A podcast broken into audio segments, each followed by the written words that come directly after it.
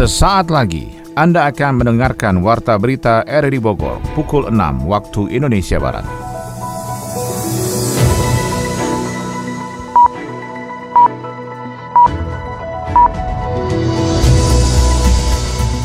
Selamat pagi dan salam jumpa. Warta Berita RRI Bogor kembali hadir untuk Anda untuk edisi hari ini, Jumat 17 September 2021. Siaran kami bisa Anda dengarkan lewat aplikasi RRI Play pada perangkat smartphone Anda dan juga kami siarkan lewat Radio Tetua Beriman Kabupaten Bogor. Berikut berita utama.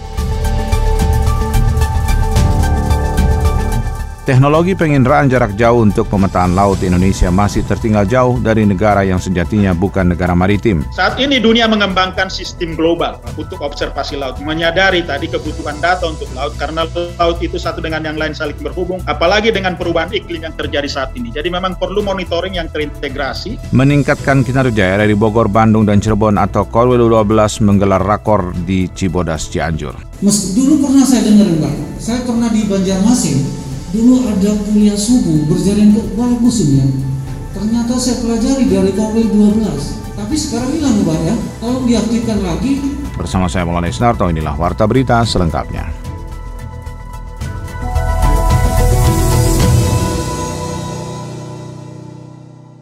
Teknologi penginderaan jarak jauh untuk pemetaan laut di Indonesia masih tertinggal jauh dari negara yang sejatinya bukan negara maritim. Yofri Haryadi melaporkan. Teknologi penginderaan jarak jauh untuk pemetaan laut di Indonesia masih tertinggal jauh dengan negara yang sejatinya bukan negara maritim. Inilah yang menjadikan eksplorasi lautan di Republik ini tidak maksimal, baik dalam pengelolaan hingga pengawasan dan kontrol yang dilakukan. Dan laut menjadi penghubung strategis antar pulau dalam tata niaga baik internal maupun eksternal. Dengan penerapan penginderaan jauh, aspek suhu dan permukaan serta kandungan klorofil dapat diketahui dari aspek fisika dan biologi. Dan yang terpenting adalah menentukan titik zona potensi penangkapan ikan di laut. Hal tersebut disampaikan Profesor Johnson Lumban Gaul dalam pemaparan orasi ilmiah Dewan Guru Besar IPB terkait pengintegrasian teknologi penginderaan jauh yang harus dilakukan pemerintah dalam menjaga keutuhan lautan. Profesor Johnson Lumban mengatakan negara Jepang sudah melakukan pemetaan dan penginderaan jauh lautan di dunia termasuk lautan dan perairan yang ada di Indonesia. Padahal negara Jepang bukanlah negara maritim. Data kita misalnya perbandingannya dengan Jepang itu baru 5.000 casting misalnya. Ini data data kapal. Sementara kapal Jepang itu mengambil data seluruh dunia, ini dia hampir 2 jutaan casting. Nah, itu perbandingan. Padahal kita banding Jepang misalnya dengan Indonesia ya, lautnya sangat jauh ya, lebih luas. Yang menunjukkan bahwa memang kita sangat minim data. Bagaimana kita tadi memampatkan potensi yang luar biasa itu tanpa didukung data yang akurat dan lengkap. Itu permasalahan. Ada kombinasi global serta data yang beredar melalui digital yang dapat diintegrasikan secara utuh dalam satu program dan sistem yang terbangun. Dalam orasinya, Profesor Johnson Lumban Gaul juga memantik kepada pengembang aplikasi untuk menyatukan model penginderaan jarak jauh dari berbagai sumber serta mendorong penguatan satelit yang ada untuk fokus dengan pencatatan dan pendataan laut di Indonesia. Saat ini dunia mengembangkan sistem global untuk observasi laut, menyadari tadi kebutuhan data untuk laut karena laut itu satu dengan yang lain saling berhubung, apalagi dengan perubahan iklim yang terjadi saat ini. Jadi memang perlu monitoring yang terintegrasi supaya kita bisa mendapatkan hasil yang optimal. Ini ada sistem global, ya, kombinasi dari satelit, kemudian data-data lapang, nah, kemudian juga dikembangkan model berdasarkan data satelit dan in situ di, diharapkan prediksi uh, ke depan tentang perubahan iklim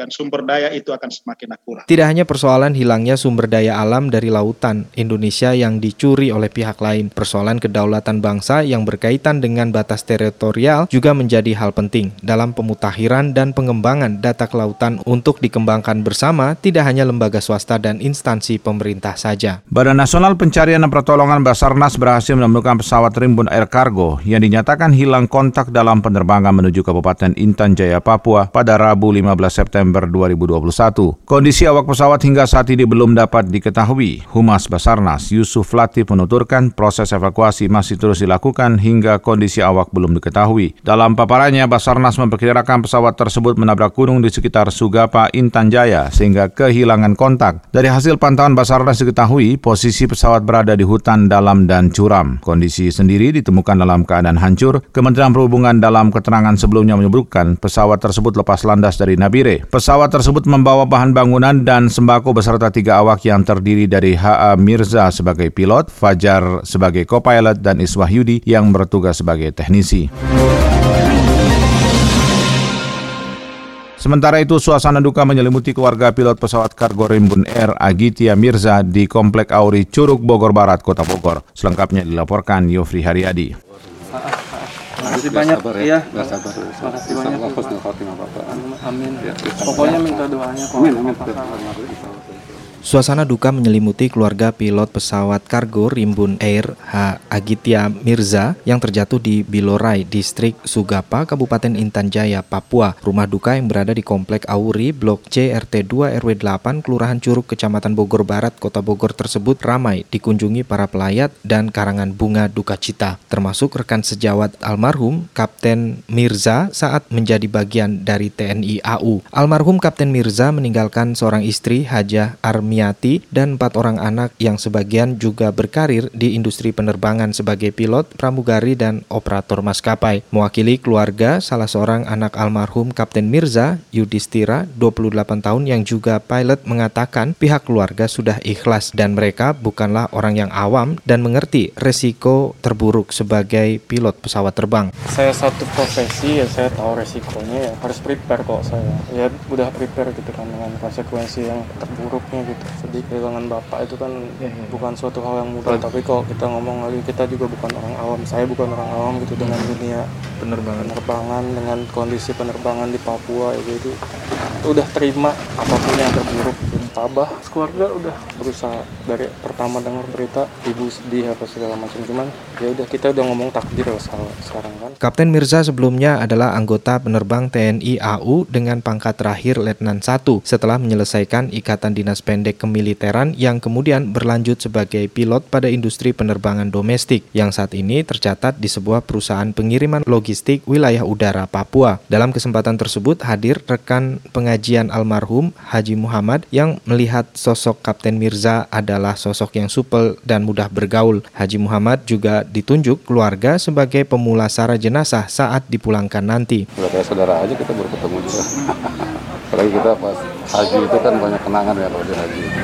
Iya satu kloter saya, satu kloter terbang. Saya dengan Allah ya di ibu, hmm. ibu nggak ngabarin di grup ya kalau nggak salah ya.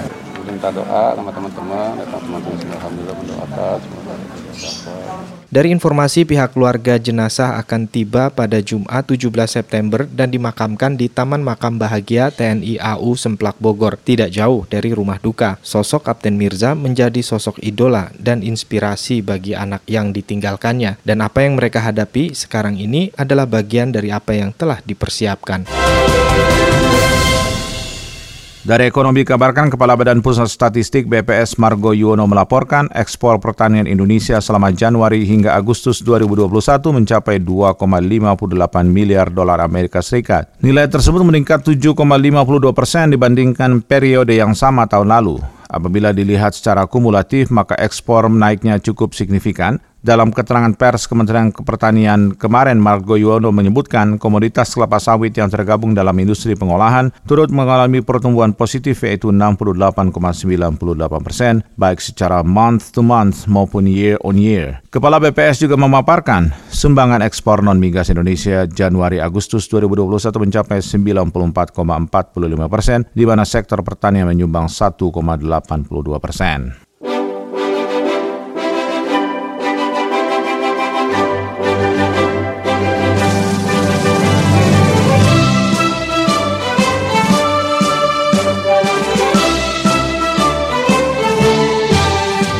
Assalamualaikum warahmatullahi wabarakatuh 76 tahun Radio Republik Indonesia sudah mengudara Mengawal bangsa kita untuk mencapai tujuan mulia Dengan mengusung tema tahun ini Tangguh, tumbuh, sehat, dan kuat Suarakan Indonesia Saya Rudi Susmanto Ketua DPRD Kabupaten Bogor mengucapkan selamat ulang tahun Radio Republik Indonesia ke-76 tahun. Sekali di udara, tetap di udara. Wassalamualaikum warahmatullahi wabarakatuh.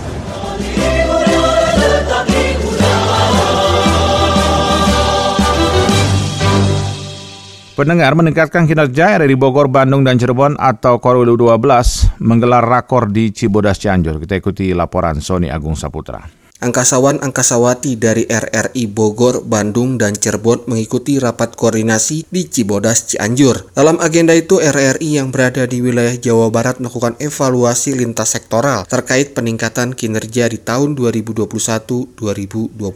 Secara menyeluruh dalam rapat yang berlangsung 15 hingga 17 September membahas semua aspek yang terbagi dalam komisi-komisi meliputi Komisi 1 Teknik, Komisi 2 Tata Usaha, Komisi 3 Layanan Pengembangan Umum, Komisi 4 Siaran, dan Komisi 5 Pemberitaan. Kepala LPP RRI Bogor Atik Hindari menjelaskan rapat koordinasi Korwil 12 ini berguna untuk meningkatkan kinerja angkasawan-angkasawati di seluruh wilayah Jawa Barat. Ide kreatif dan inovatif untuk menciptakan produk siaran bersama secara berjaring harus lebih ditingkatkan sehingga tidak hanya berjaring berita dalam lintas Jabar namun terdapat program lainnya. Nah, ini kan sebenarnya untuk pembahasan program kegiatan siaran berjaringan BBC. Yang saya tahu kok hanya ada satu acara kalau nggak salah ya, lintas Jabar. Saya malah butuh ide-ide kreatif dari teman-teman. Teman-teman ini sudah luar biasa ya. Secara keseluruhan siaran-siaran BBC ini sudah luar biasa. Tapi kenapa hanya ada satu siaran berjaringan? Hanya ada lintas Jabar apakah tidak ada ide-ide yang lain? Itu hanya dari pemberitaan. Bagaimana dengan siaran? Siaran ini luar biasa sebenarnya. Belum lagi didukung oleh TMB. TMB ternyata ada Mas Uus yang tidak diragukan lagi. Saya pernah bekerja sama dengan Mas Uus waktu di direktorat ya Mas. Kita bisa bergantung kepada beliau. Belum lagi supporting dari LPU. LPU kita ini ada Pak Wisman, ada Pak Endang, ada dari Bogor, kita berkolaborasi, bersinergi untuk mewujudkan satu kerjasama berjaringan yang lain yang tidak hanya berita. Makanya kita berkumpul di sini, apa ya yang kira-kira bisa kita kerjasamakan? Kita berkolaborasi bukan untuk masing-masing individu, ini untuk lembaga. Kepala LPPR RI Cirebon Yus Indarto mengungkapkan dalam bidang berjaringan berita harus ada penajaman dan penguatan pengayaan konten sehingga masyarakat mendapat berbagai informasi dalam lintas jabar. Pengembangan program juga harus ada dalam media sosial multidimensi sehingga RRI dapat menjangkau semua masyarakat melalui media dalam jaringan atau online. Ada beberapa hal yang saya evaluasi, ada lintas Jabar. Sudah bagus saya tapi saya ingin nanti diperkeren lagi dikuatkan lagi.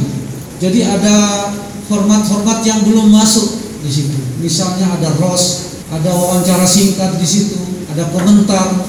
Itu tambah kaya menurut saya. Ini PR Bu Heni Bu Heni. Gimana lintas Jabar kita lebih keren lebih gagah tampilannya siarannya lebih gagah. Kalau perlu Pak ini usul saya Pak ini, nanti saya akan ngawal di konten Pak. Kita live kan di medsos. Sekarang sudah geser nih masyarakat kita, pendengar kita. Kalau dulu kita kan hanya di radio, di core bisnis kita, di terestrial kita siaran. Kalau bisa juga live kan di media sosial, karena masyarakat sudah berubah sekarang Pak. Berubah mendengarkan media, mendengarkan, membaca apa pun informasi dari media sosial kita coba arahkan seperti itu. Dan saya yakin teman-teman bisa. Orang-orang hebat semua sini. Kemudian seperti yang Buati sampaikan, di siaran belum ada nih. Bisa aja pagi-pagi kuliah subuh Pak, kita siaran berjaringan. Mas, dulu pernah saya dengar Pak, saya pernah di Banjarmasin, dulu ada kuliah subuh berjaring kok bagus ini ya. Ternyata saya pelajari dari Komel 12. Tapi sekarang hilang Pak ya. Tolong diaktifkan lagi kalau bisa di live kan lagi di media sosial biar makin banyak yang dengerin siaran RRI BBC ini Sedangkan Kepala LPP RRI Bandung Mirza Musa mengatakan perlu ada kinerja yang lebih baik lagi dari angkasawan-angkasawati RRI di Korwil 12. Saat ini sebagai salah satu parameter keberhasilan kinerja angkasawan-angkasawati di tahun mendatang harus bisa menyabet gelar suara kencana untuk berbagai kategori mencoba mengevaluasi kembali acara-acara di mana kelemahan suara bencana itu. Kenapa RRI yang studio produksi ataupun yang baru tipe C3 itu sudah mampu berdiri menunjukkan kemampuannya. Nah hari ini kita tidak menyalahkan teman-teman tidak, tapi bagaimana membangkitkan semangat, memberi peluang-peluang ke depan. Masih banyak waktunya, masih banyak waktu, bukan hanya tahun 2021, tahun 2022 sampai kapan pun. Nah, ini BBC harus menunjukkan kemampuan ini. Sementara itu, Direktur Program dan Produksi DIRPP LPP RRI, Soleman Yusuf menjelaskan, RRI Bogor, Bandung, dan Cirebon harus mampu menjawab tantangan zaman, terutama melawan isu hoax yang saat ini beredar di berbagai media. Siaran berita RRI Bogor, Bandung, dan Cirebon harus membawa manfaat dan solusi bagi permasalahan yang dihadapi masyarakat di wilayah masing-masing satuan kerja, Satker. Saya menganggap pertemuan rapat ini tersas apa para penggawa dari Bogor, Bandung, Cirebon ini tersesat pemikiran. Kita ini bukan media yang 100% kritik aja pemerintah, nyinyirin aja pemerintah, cari salahnya pemerintah enggak. Tapi tetap mesti kritis ya, berdasarkan fakta yang objektif dan kalau bisa memberikan solusi. Itu yang mesti diingat baik-baik kalau teman-teman. Sampai kapan pun ini yang mesti diingat. Seluruh kajian strategis hasil evaluasi Korwil 12 RRI Bandung, Bogor, dan Cirebon akan menjadi pijakan dalam menyusun program di tahun yang akan datang sehingga bisa mendatangkan manfaat bagi seluruh stakeholder dan pendengar RRI. Wali Kota Bogor Bima Arya menyatakan optimisme target vaksinasi 100% dosis pertama warga Kota Bogor tuntas pada akhir September dengan catatan kesediaan vaksin lancar. Secara keseluruhan, Bima mengatakan optimis vaksinasi dosis 1 Kota Bogor tuntas September sehingga melampaui target vaksinasi yang dicanangkan Presiden Jokowi bagi kawasan aglomerasi. Melihat data terbaru Dinas Kesehatan Kota Bogor, situasi Kota Bogor menurut Bima sudah sangat membaik, salah satunya bed occupancy rate atau BOR, keterisian tempat tidur sudah di bawah 10 persen, dan capaian vaksinasi sudah mencapai 73 persen untuk dosis pertama atau menjadi yang pertama di Jawa Barat, namun masih berada pada PPKM level 3. Bima mengatakan vaksinasi menjadi kunci untuk relaksasi kegiatan ekonomi yang sudah mulai bergerak. Sementara itu, dua kelurahan di Kota Bogor dari Kelurahan Tajur dan Kelurahan Pakuan mendapatkan piagam penghargaan dari Satgas COVID-19 di Kota Bogor atas upayanya menyukseskan percepatan vaksinasi 100% warga. Kapolresta Bogor Kota, Komisaris Besar Polisi Sutatio Purnomo Chondro didampingi Wali Kota Bogor Bima Arya menyematkan PIN dan menyerahkan piagam penghargaan tersebut kepada Lurah Tajur Heri Eriadi dan Lurah Pakuan Erwin Sebastian di kantor Kelurahan Pakuan, Kecamatan Bogor Selatan. Kapolresta Bogor Kota, Komisaris Besar Polisi Sutatio Purnomo Chondro mengungkapkan menunjukkan rasa bangganya atas cakupan target vaksinasi 100% yang berhasil dicapai kedua kelurahan tersebut. Siska! Eh, Dewi, lagi belanja juga? Iya nih, kan lagi pandemi kayak sekarang kan kita harus lebih ekstra jaga imun. Makanya belanja buah sama sayur buat keperluan di rumah. eh, ngomong-ngomong, kamu nggak pakai masker? Kan kemarin aku udah disuntik vaksin covid jadi aman lah. Gak usah pakai masker juga kan. Soalnya kalau pakai masker aku nggak kelihatan cantik. Oh hati-hati. Walau udah vaksin tetap aja harus jaga protokol kesehatan. Nggak boleh loh diabein. Contohnya nih rekan kantor aku aja Udah divaksin masih tetap terkena virus covid. Wah serem juga ya. Mm -mm. Kalau gitu aku beli masker dulu ya. Tetap harus pakai masker ya. Mencuci tangan dan menjaga jarak aman Vaksin bukan obat untuk menyembuhkan COVID-19. Untuk itu, tetap patuhi protokol kesehatan, memakai masker, menjaga jarak, mencuci tangan, menjauhi kerumunan, dan mengurangi mobilitas.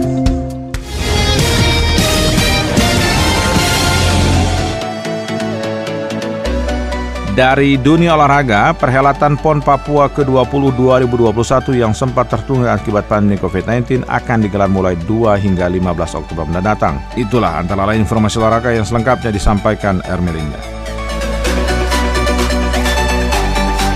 Perhelatan PON Papua ke-20 yang sempat tertunda akibat pandemi COVID-19 sudah di depan mata. Tahun ini Pekan Olahraga Nasional PON akan berlangsung mulai 2 hingga 15 Oktober mendatang. Dalam kondisi pandemik, persiapan pun telah dilakukan dengan program pemusatan latihan daerah atau pelatda secara intens. Namun persoalan masih terus dihadapi seluruh insan olahraga dengan tidak adanya regulasi yang jelas. Eko Suprihatno, wartawan senior olahraga berharap pada perhelatan PON tahun ini tidak ada lagi indikasi jual beli atlet sehingga tahun 2022 menjadi sebuah pemicu di mana kompetisi harus terus dijalankan agar para atlet Indonesia bisa berprestasi. Bahwa 2022 hendaknya menjadi semacam pemicu bukan cuma persoalan sarana dan prasarana.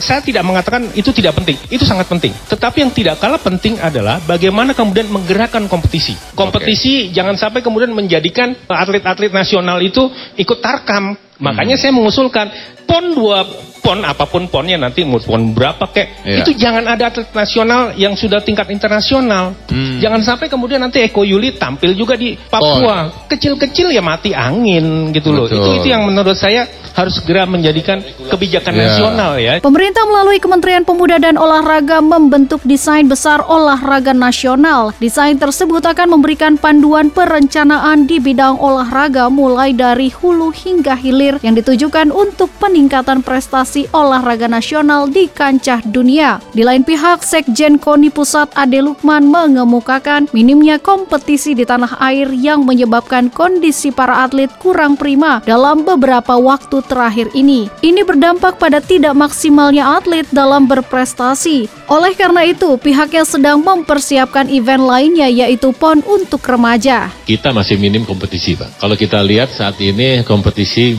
multi event tertinggi mm -hmm. di Indonesia adalah PON.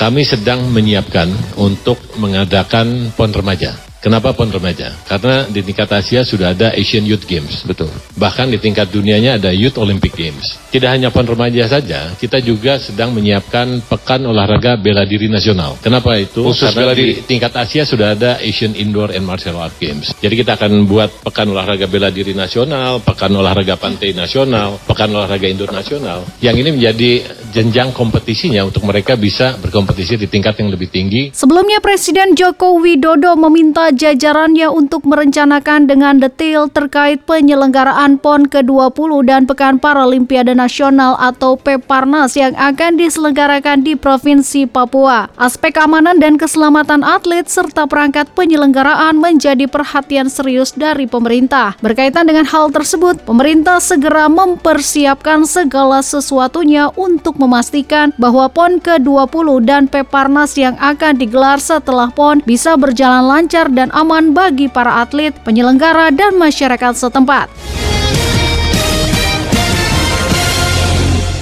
Sementara itu, Ketua Bidang Prestasi Kecabangan Nomor Gantole Pengurus Provinsi Persatuan Gantole dan Para Layang Indonesia PGPI Jawa Barat yang sekaligus manajer tim Gantole Jawa Barat pada PON ke-20 Papua 2021 Wawan Hikal Kurdi mengatakan tim Gantole Jawa Barat sudah berada di Papua. Tim Gantole Jawa Barat berangkat Rabu pagi 15 September 2021 dari Bandara Soekarno-Hatta. Tim sekarang sedang beristirahat sambil menunggu jadwal latihan di venue yang akan dijadikan tempat pertandingan Gantole. Wawan menegaskan tim Gantole sangat siap bertanding. Namun demikian juga penting bagi mereka untuk lebih mengetahui medan dan kondisi cuaca. Maka dari itu keberangkatan tim Gantole lebih dipercepat dari cabang-cabang olahraga lainnya. Ia menambahkan Pengprov PGPI Jawa Barat khususnya dari kecabangan Gantole siap tempur dan siap mempersembahkan emas untuk Jawa Barat pada ajang PON Papua 2022 2021 tersebut.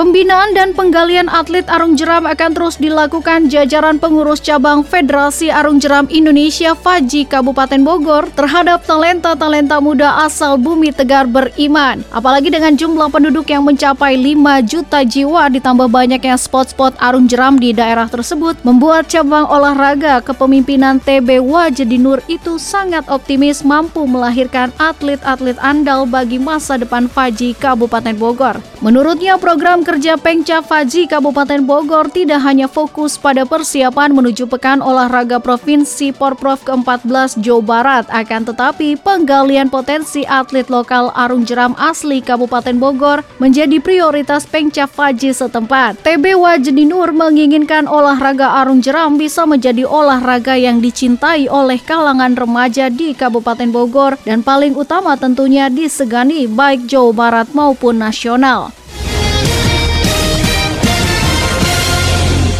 Liverpool mengalahkan AC Milan dengan skor 3-2 dalam laga Liga Champions di Stadion Anfield Kamis dini hari waktu Indonesia. The Reds sempat tertinggal 1-2 pada babak pertama namun berhasil bangkit pada babak kedua untuk membalikan skor menjadi 3-2. Mohamed Salah dan Jordan Henderson menjadi pahlawan kemenangan Liverpool di depan publik Anfield.